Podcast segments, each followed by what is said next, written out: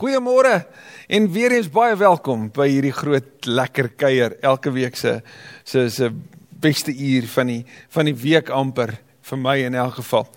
Terwyl hierdie aanlyn gebeur op hierdie oggend is daar ook 'n 'n groep in Hippolaan wat in persoon bymekaar kom en op Donderdag is daar 'n groep in Midstream wat bymekaar kom. So as jy deel van daai groepe dalk was in die verlede voor voor lockdown wil ons jou weer uitnooi. Jy's baie welkom om in persoon. Daar's genoeg ruimte al die nodige voorsorgmaatreëls word getref um, om dit in persoon te kan beleef. Andersins sien ons jou hier op hierdie platform. Ons is bitter dankbaar dat dat al die bedienings aanlyn van Kerksonemure steeds voortgaan en dat die bedieninge in persoon ook voortgaan. Byvoorbeeld ons gebed op 'n Woensdagoggend kwart oor 10. Kom ons groep voorbidders bymekaar in persoon om te bid en moontlik vandag ook vir jou as jy 'n behoefte het, as daar iets in jou lewe is wat jy sê maar ek ek ek het net nodig dat iemand saam met my bid, my hand vat en net saam met my by die Here kom sit. Stuur dit asseblief na gebed@ksm.co.za. Ons wil saam met jou bid. Ons wil bid vir vir wat die Here op hierdie oomblik doen op maniere wat ons nooit sou kon dink of droom of beplan het nie. Maniere wat ons oorweldig as ons daarna kyk en sê, "Jogg, Here, kyk hierdie stories. Kyk wat alles gebeur." Rede om er bly te wees. Met 'n blye hart terwyl ons na 'n blye teks vandag gaan kyk, kom ons bid saam. Ons wonderlike Vader God. Ons goeie Vader, ons liefdevolle Vader, ons innooi Vader. Dankie dat ons U ook kan ken as Abba, Vader. Ons aanbid U in hierdie dag. Ons loof U naam vir 'n nuwe dag. Dankie vir die reën wat geval het in die afgelope week. Die reën van seën wat steeds val in ons lewe. Vir antwoorde op gebede en vir aanmoediging vir mense wat in in moeilike tye ook vasbyt. Dankie vir U troos, vir U saamstap, vir U daar wees. Dankie Heilige Gees dat U vandag vir ons die woorde van Jesus sal oopbreek. Dat U dit sal doen. Mag hierdie woorde ons harte aangryp. Mag dit ons lewens verryk en mag dit ons vir altyd verander. Sodat ons met hierdie boodskap, hierdie kosbare teks, die wêreld in kan hardloop met die goeie nuus. Werklike goeie nuus in 'n wêreld vol de mekaar nuus. Die nuus van die evangelie. Jesus is die Here. Hy het vir jou gesterf en jy kan kom net soos wat jy is. Hy sê jou nuut maak. Dankie vir vandag. Ons bid dit in die naam van ons Here, die opgestane Christus, die een wat fisies opgestaan het, die een wat heers en wat weer kom, Jesus die Here. Amen. Amen.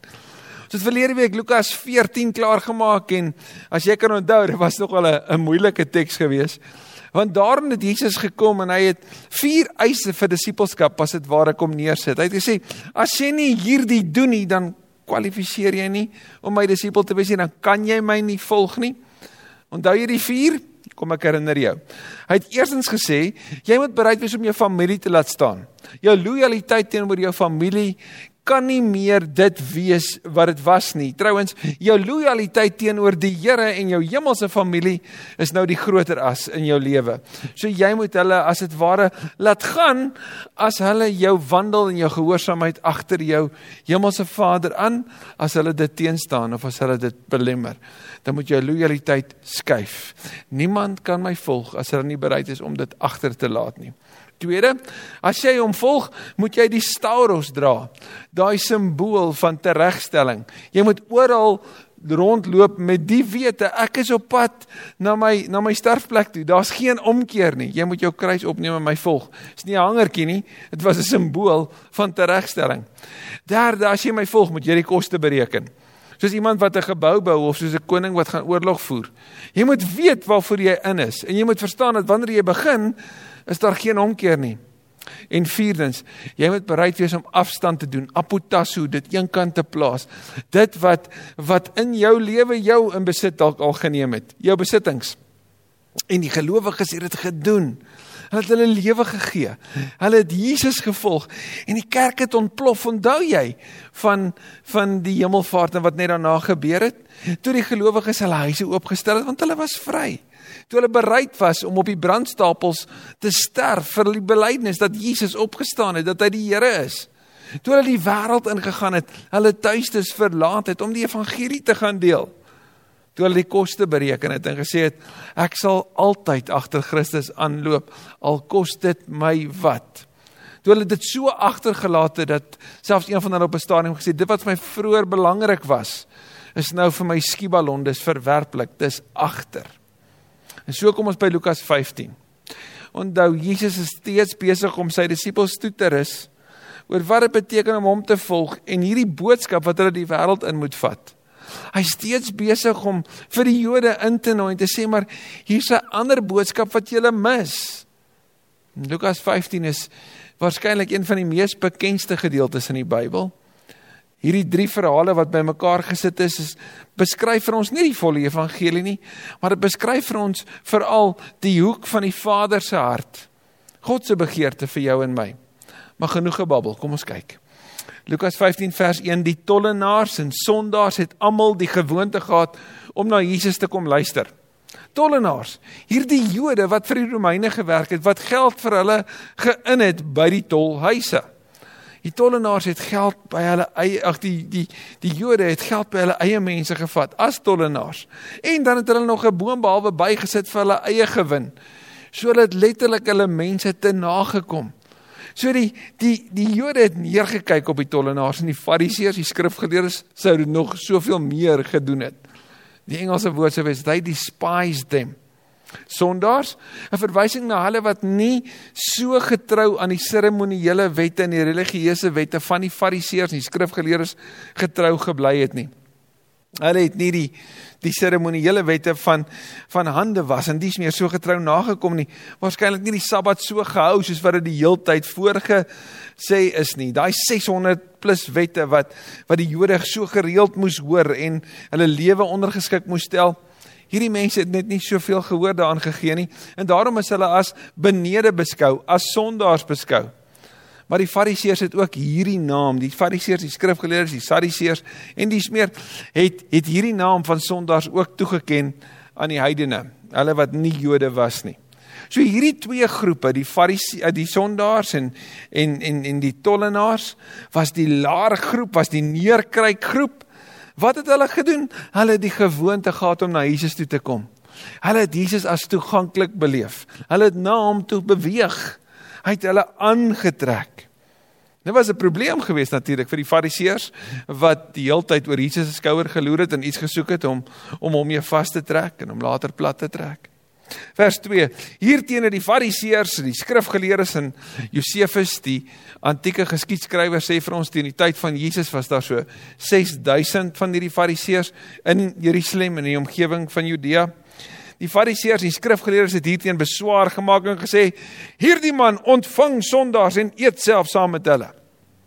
Om hulle te ontvang beteken dat Jesus met hulle assosieer. Dit beteken hierdie moet ons hoor, dit beteken nie dat hy sonde goedkeur nie. Hoor mooi. Dit beteken nie dat hy sonde goedkeur nie.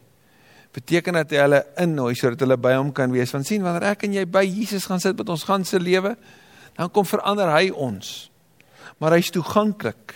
En jy kan na hom toe beweeg ook in hierdie dag. Hulle het probleem daarmee gehad. Nie net dat hy hulle ontvang nie, dan staan daar en dat hy self saam met hulle eet. Sien want eet sê die mense saam wie jy eet sê wie jy is. So Jesus assosieer so met die mense om hom. En die rabbies van daai tyd sou dit nooit gedoen het nie. Maar Jesus is die non-Messiah. Hy's die een wat anders leef en anders praat en op 'n ander manier eet en kuier. Daar's 'n vreemde groep mense om hom. Natuurlik laat dit my dink is dit wat daar van ons gesê kan word? Trek ons daai tipe mense in dat hulle veilig en gemaklik voel om ons en by ons? Of ons is ons mense wat dit afstootlik maak vir hulle, bitter moeilik maak vir hulle, hulle nog skamer laat voel? Dit laat mens dink. Miskien moet ons later verder daaroor dink. Vers 3. Toe vertel Jesus vir hulle hierdie gelykenis en hierdie gelykenis is eintlik in 3 dele. Die eerste is 'n 1 uit 10, dan is ag 'n 1 uit 100, dan is daar 'n 1 uit 10 en die laaste is 'n 1 uit 2 of ons sal vandag sien 'n 2 uit 2. Vers 4. Sê nou een van julle het 100 skape en een van hulle raak weg. Wat doen hy dan? Hy laat die 99 in die veld staan en gaan agter die een aan wat weg is totdat hy hom kry.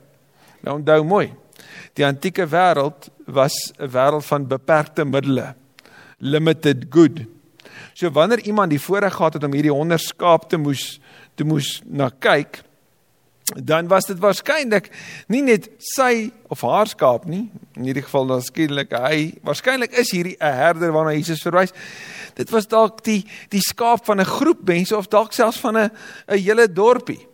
So hierdie persoon het die verantwoordelikheid om 7 dae uit 7 dae hierna te kyk. En omdat herders vir 7 dae, 7 dae skape moes oppas, het hulle nie tyd gehad om om by die sinagoges uit te kom nie. So die fariseërs sou sê, julle kom nie julle sabbatsreëls na nie. Julle kom nie by die sinagoges uit nie. Julle pas nie by julle families in of julle pas hulle selfs nie op nie. So ons kyk neer op julle. Julle is eintlik onrein. Jesus gebruik hier in sy eerste van 3 dele 'n verhaal oor herders om vir die fariseërs en die skrifgeleerdes iets te leer. Hierdie herder het die verantwoordelikheid om na hierdie skaap te kyk wat andersin waarskynlik is, wat aan ander behoort. Een het weggeraak. Hulle was in die Judese bergagtige gebied ook so dat veiding skaars was. So as daar 99 skaap by by hierdie bepaalde weiveld was en een het het het weggeraak, dan was dit op een van daai gevaarlike bergpaste wat hy moes gaan en dit was natuurlik in daai tyd. Was gewoon geweest en hy het gaan spoor sny, presies geweet waarom hierdie skaap te kry.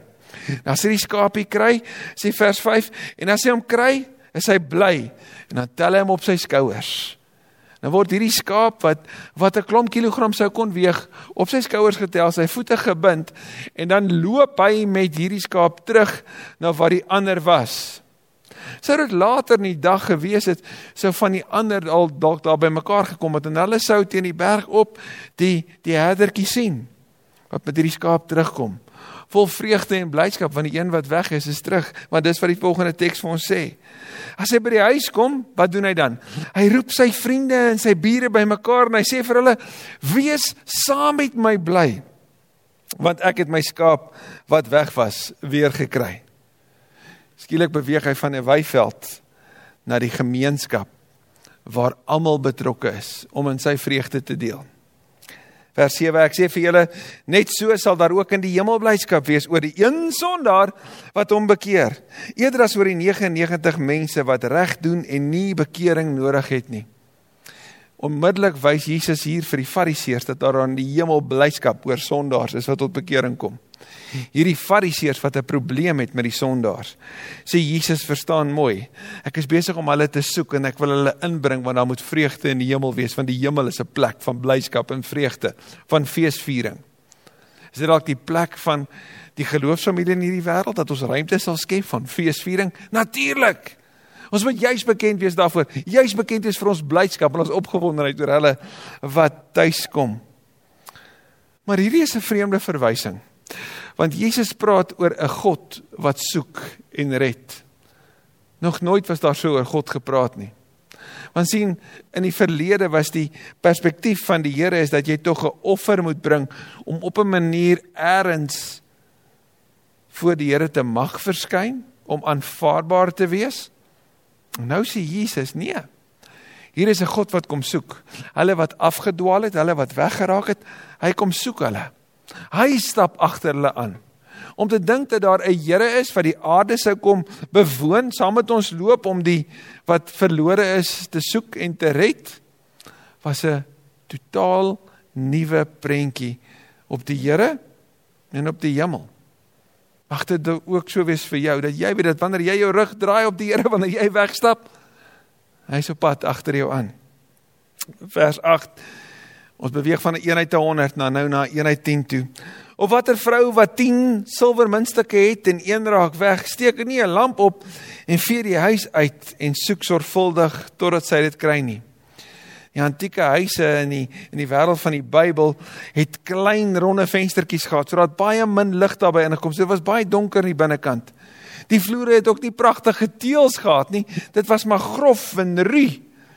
Silwermuntstukke was was een van die kommentare of 'n paar van die kommentare reken dit so was deel van daar was 10 gewees wat aan mekaar geryg was en hierdie silwermuntstukkies wat omtrent 'n dagloon werd was was om 'n bruid gehang gewees as 'n geskenk as sy getrou het. So dit was 'n simbool ook van haar huwelik. So as sy een sou verloor dan dan sou dit selfs oneer vir haar man teweegbring. Hy sou dit as 'n teken van ontrouheid sien. Daarom was sy paniekerig sy het een van hulle verloor. Dit dis hier in hierdie hierdie donker gebied en en op hier op die donker vloer en ek moet dit tog net kry. So wat doen sy? Sy steek 'n lamp op en sy begin dit soek. En jy kan jouself indink die angs in daai vrou se hart. Want voor my man kom, moet ek dit tog net kry. Want wat gaan die mense van my dink? Wat gaan hulle daaroor sê? Wat van die persoon wat dalk hierdie geskenk vir my gegee het? En as sy dit kry, wat doen sy dan? Roep sy haar vriendinne en haar buurvroue Sy reële fees, sy reële kuier. En sy sê vir hulle wees saam met my bly want ek het my geld wat weggeraak het weer gekry. Ek sê vir julle net so sal daar blydskap wees onder die engele van God oor een sondaar wat hom bekeer. Jesaja 62 vers 5 sê vir ons net soos wat 'n bruidegom bly is oor sy bruid, soos die Here bly oor ons. 'n God wat bly is oor elkeen wat verlore is, wat omdraai en terugkom. En Jesus is nie klaar nie. Eenheid 100, eenheid 10. En nou een van 2. Vers 11 verder het Jesus gesê daar was 'n man wat twee seuns gehad het. Hierdie is nie die gelykenis van die verlore seun nie. Maar van die liefdevolle Vader. Van hierdie man wat twee seuns gehad het. Die jongste het vir sy pa gesê: "Pa, gee my die deel van die besittings wat my toekom." Nou dit was nie ongehoord in daai tyd vir 'n pa om te kon sê: "Hoor die ou boet, hierdie deel van die eiendom, dis joune." Jong man, hierdie deel is joune nie om dit toe te ken nie. Maar sien as die pa dit sou toeken, dan beteken dit nie die kinders het nou gebruiksreg daarop nie, want die pa moet daarvan leef. So die kinders het geen wettig wettiglike reg gehad om iets daarmee te doen nie. Dit was die pa se. En hy het daarvan geleef totdat hy te sterwe kom en dan sou hulle dit geërf het soos wat hy dit aan hulle toegedeel het. Maar hierdie jong man eis sy besittings want sy hart is klaar op 'n ander plek. Hy is klaar op pad ergens heen en ons sal dit nou sien. Wat doen die pa toe? Hy deel dit toe. Hy verdeel dit toe tussen hulle. Nie lank daarna nie, het die jongste seun alles tot geld gemaak en van die ouer huis af na 'n ver land toe vertrek. Daar waar sy hart al reeds was. Maar dink net baie mooi. Gestel die pa sou sê in vandag se term, daai daai trekker is joune. Daai hoeveelheid skaap is joune. Hierdie bank is joune, daai erfstuk is joune. Daai bed is joune, die televisie of die DStv, dis joune. Die res is Boeta se. En nou het sy hy sy goed gevat en soos wat die pa dit aan hulle toegeken het in die volgende paar weke verdwyn dit so uit die huis uit. En en die pa sien maar maar daar's mense wat kom handelaars aan wie dit verkoop word die die besittings wat syne was word weggegee tot geld gemaak. En dan dan verlaat die jong man die ouer huis. Hy loop weg. In in die wêreld van die Jode was dit 'n klap in sy pa se gesig. Dit was 'n afsny van die familie. Dit was 'n totsiens. Nie net sy rug draai op sy pa nie, maar sy rug draai op sy nasie, op sy volk, op sy God want dit hulle het dit alles as een gesien. En hy vertrek. En stel jouself voor as jy die ander seun was. Oorgelaat met jou erfporsie, met jou pa in 'n eiendom waar 'n klomp van die goed wat voorheen daar was, nie meer daar was nie. Daar is nie. Jy word elke liewe dag gekonfronteer. Elke liewe dag staar jy dit in die gesig dat jou jonger boetie dit aan jou pa gedoen het. Dat hy julle as familie so verneder het in 'n wêreld van eer en skaamte, die klap in die gesig elke dag te moet beleef. En daar in die verland, wat gebeur met die jong man? Daar was sy hart omheen getrek het, nou is sy lyf ook daar. Daar het hy sy geld verkoos deur losbandig te leef. Hy het dit net weggegooi as dit ware. Dis waarop dit neerkom. Verkoos beteken letterlik om dit so sonder enige nadenke net weg te gooi. Dis die probleem met goed wat 'n mens verniet kry, nê. Jy waardeer dit net glad nie soos wanneer jy daarvoor gewerk het nie. Hy het hierdie goed gekry en hy het dit weg hy het dit gemors en hy het dit gemors sonder enige denke dat dit kan opraak. Sonder enige kommer oor wat van môre en wat van die voorsiening vir wat sou wag. Dis net weg. Vers 14. Nadat hy alles deurgebring het, het daar 'n kwaai hongersnood in daardie land gekom en ook hy het begin gebrek ly. Hierdie Joodse seuns sou weet dat hongersnood was vir die Jode 'n teken van God se straf op die sonde van 'n dorp of 'n gebied. Nou is daar hongersnood en hy kry ook honger. Nou wat maak hy in 'n vreemde land?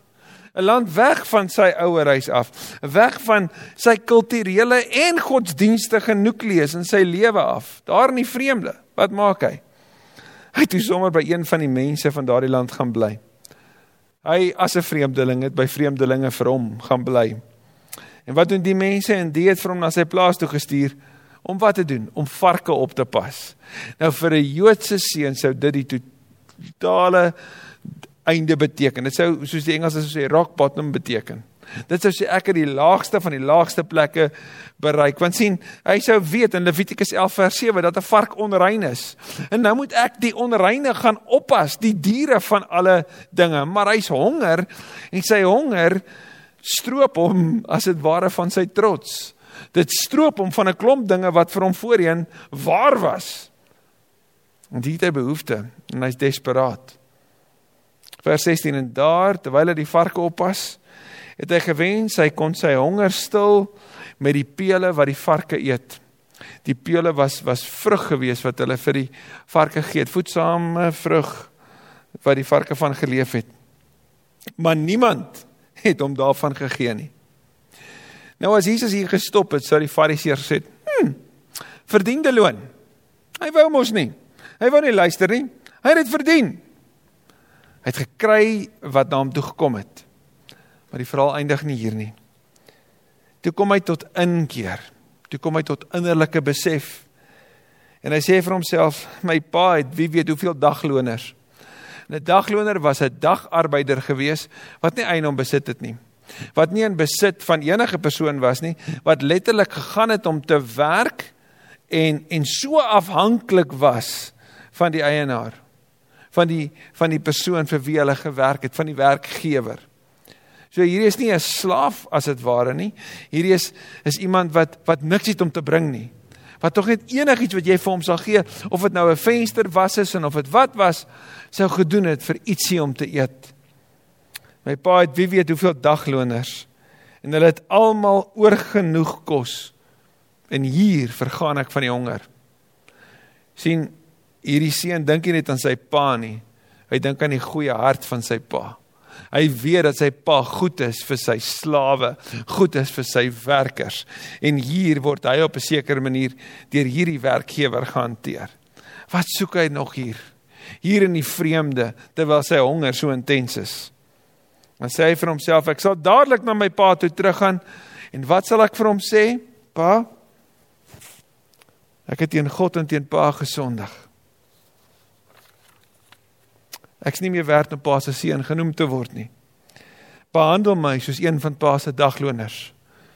Pa, ek het droog gemaak. Pa, asseblief, behandel my soos 'n slaaf. Ek sal dit word. Asseblief. Ek sal kom kruip, pa. Hy het dit gesê terwyl hy tot inkeer gekom het, tot die besef gekom het, maar hy het toe nog niks gedoen nie sien wanneer ek en jy besluit om iets te doen, het ons nog niks gedoen nie. Dis wanneer ons die eerste tree gee wat ons begin om iets te doen. En gelukkig eindig die verhaal nie hier nie. Vers 20 sê en hy het sonder versuim na sy pa toe teruggegaan. Hy het nie net gedink nie, hy het gedoen. En dan 'n baie vreemde teks. Ons lees hom so vinnig.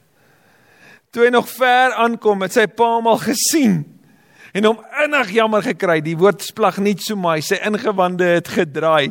Sy pa het gewag vir sy seun om terug te kom uit hom ver gesien. En dan staan daar en hy hardloop hom tegemoet om hels hom en soen hom. Die Bybelse prentjie van 'n pa wat hardloop of van 'n ou man wat hardloop is ongekend in daai tyd. Die enigste tyd wanneer 'n man sou hardloop is wanneer daar gevaar was. Want sien, as hy sou hardloop, dan sou hy sy jurk moes optrek en dan sou sy bene sigbaar geword het en dit sou gesien word as vernederend vir 'n 'n ouer man. Maar hierdie pa gee nie om nie, hy hardloop. Een van die kommentare reken wel want die seun was in gevaar gewees. Want sien almal op die plaas kon hom kom aanrand het want wat het hy gedoen aan die pa toe hy weggeloop het? Hoe durf hy hier wees? Die ander perspektief en ek dink dis meer die groter beeld hier agter is dat die pa so opgewonde om sy seun terug te kry. Om hom in te nooi om hom net weer te kan sien. En wat doen hy wanneer hy naby hom kom? Hy omhels hom en hy soen hom. Hierdie varkseun van hom uit die diepste varkhok van die lewe wat al hoe skamer terugkom word deur sy pa aangegryp word deur sy pa omhels en gedruk toe sê die seun vir hom pa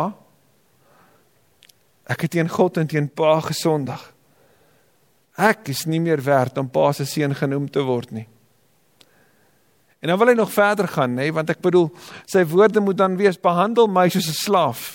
Pa, pa, maak my weer 'n slaaf. En dan val sy pa in die rede. Want want vir sy pa gaan dit nie oor oor wat hy nou alles sê nie. Sy pa draai om en dan, dan roep hy die res. Hy sê hy sê vinnig vir sy werk vir sy werknemers. Hy sê vir hulle, "Maak gou, bring klere, die beste." Dis sy pa haal sy skaamte van hom af. Sy pa sê vir hulle bring die beste klere. Nou hierdie beste kleed was die die kleed wat sy pa sou aantrek by al die seremoniele optredes en die feeste waarby hy sou gaan as as die hoof van die familie. Dit was letterlik die belangrikste kleed in die huis. So gaan al daai kleed. Bring dit. En trek vir hom skoene aan. Hoekom hoekom moet hy vir hom skoene aantrek? Want sien, die armste van die armes het nie skoene gehad nie. En sy pa wil nie hê sy seun moet voor hom verskyn met die prentjie dat hy 'n slaaf is nie, want hy's nie sy slaaf nie. Hy's sy kind. So sy kind dra skoene. En dan sê hy en sit vir hom 'n ring aan die vinger aan. Die ring was waarskynlik die pa se seelring. Die beeld van die familie. Die prentjie van verhouding. So aan die een kant wanneer hy vir hom die kleed aantrek, dan dan dan sê hy welkom terug wanneer hy die skoene aantrek, sê hy jou status is herstel. Jy's my kind, jy's nie 'n slaaf nie. Wanneer hy die ring aan sy vinger sit, dan sê hy die verhouding is herstel. Maar die pa stop nie daar nie. Hy's opgewonde en hy's bly. Hy's waarskynlik baie loud. Hy sê bring die vetgemaakte kalf, slag hom en laat ons eet en feesvier.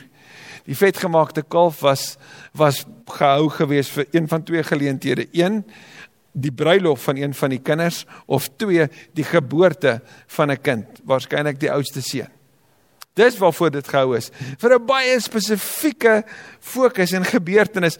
En jy kan jou indink as jy die ander seun was, as jy gedink die vetgemaakte kalf is dalk vir my troue. Is dalk vir my bruilof. Ek kan nie wag om dit te mag slag en eet nie want dit beteken dit het gebeur in my lewe.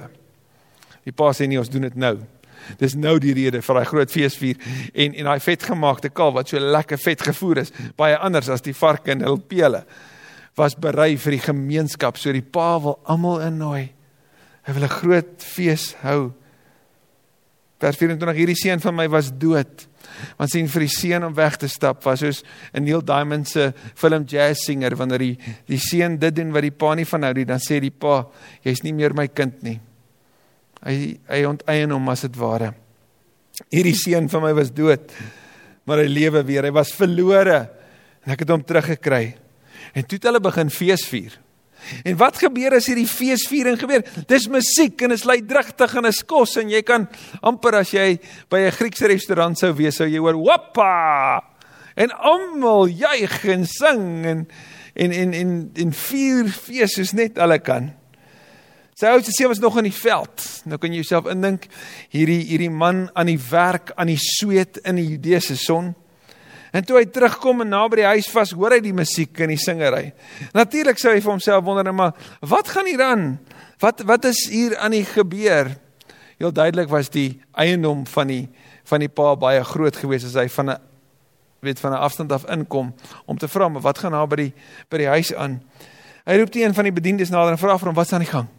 Vers 27 die bediende antwoord: "U broer het gekom en u pa het die vetgemaakte kalf geslag omdat hy hom behou en gesond teruggekry het." Vir die oudste seun is hierdie 'n klap in die gesig vir die oudste seun wat sou kon sê, maar ek het alles gedoen wat reg is. Die vetgemaakte kalf is eintlik vir my. Nou kry hierdie seun wat ons met niks gelos het nie. Wat ons goed wat sy goed gevat en geloop het. Wat my agtergelaat het alleen om na pa te kyk om hierdie werk te doen. Hierdie wat hier is is nou myne. Dis my erfporsie. Hoe durf hy hier inkom? En nou hou pa nog 'n party vir hom, 'n groot fees. Die Engelse sou sê die pa hou 'n party, pa gooi 'n party en die die seun gooi 'n tantrum. Hy's heel duidelik met baie groot rede bitter kwaad.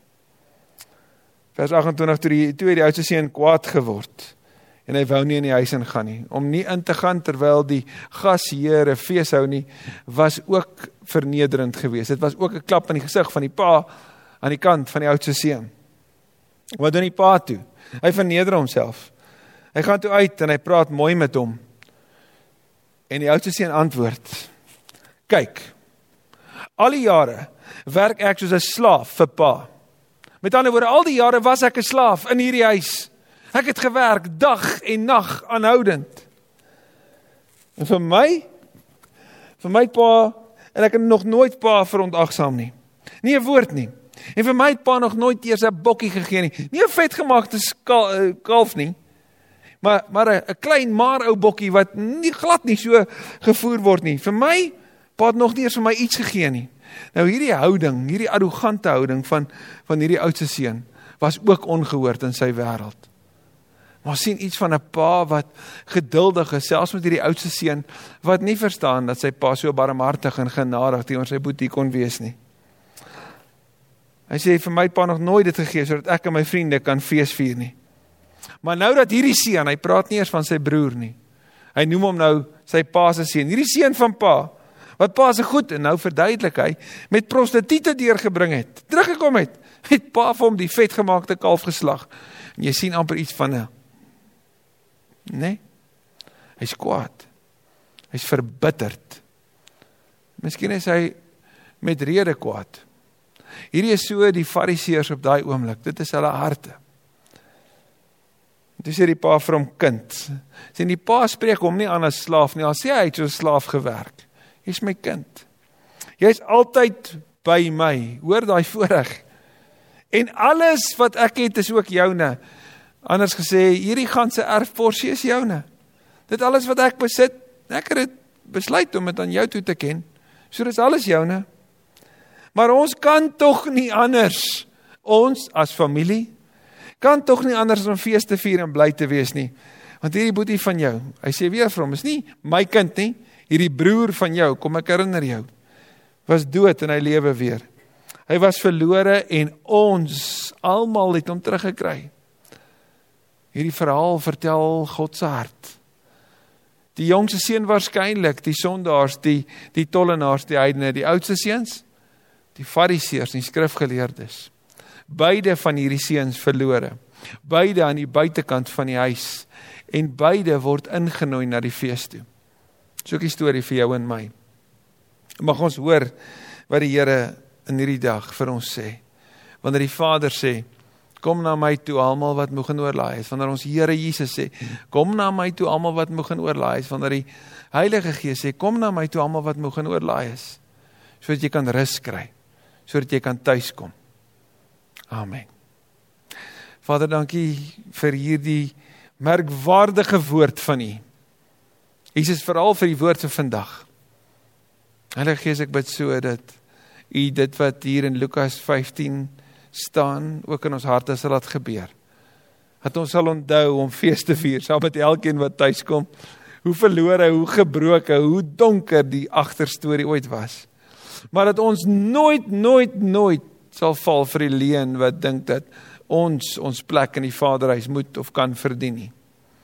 dat ons nooit moet dink dat ons slawe is en so slawe moet werk omdat ons ons reg moet verdien nie, maar dat ons dit wat ons doen voluit doen omdat ons klaar plek in die fees het. Ons is genooides aan die feesmaal van die lam. Ons is tuis in die huis van die Vader. Dat ons u Vader kan noem, Here, is die wonderlikste voorreg. Dat ons u kan ken is die wonderlikste voorreg en dat u steeds vandag nog hulle soek en red wat verlore is. Here is is steeds die grootste wonder wat in enigiemand se lewe kan gebeur. Mag dit weer eens vandag in my lewe gebeur. In Jesus se naam. Amen. Amen. Ek hoop jy het 'n baie mooi dag en week.